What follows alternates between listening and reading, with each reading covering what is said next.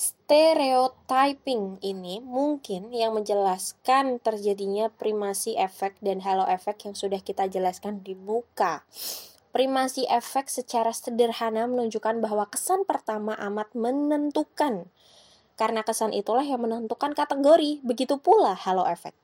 Persona stimuli yang sudah kita senangi setelah mempunyai kategori tertentu yang positif. Dan pada kategori itu sudah disimpan semua yang sifatnya baik. Adapun penelitian yang lucu dan menarik meminta guru-guru yang berpengalaman untuk menilai serangkaian karangan siswa kelas 5.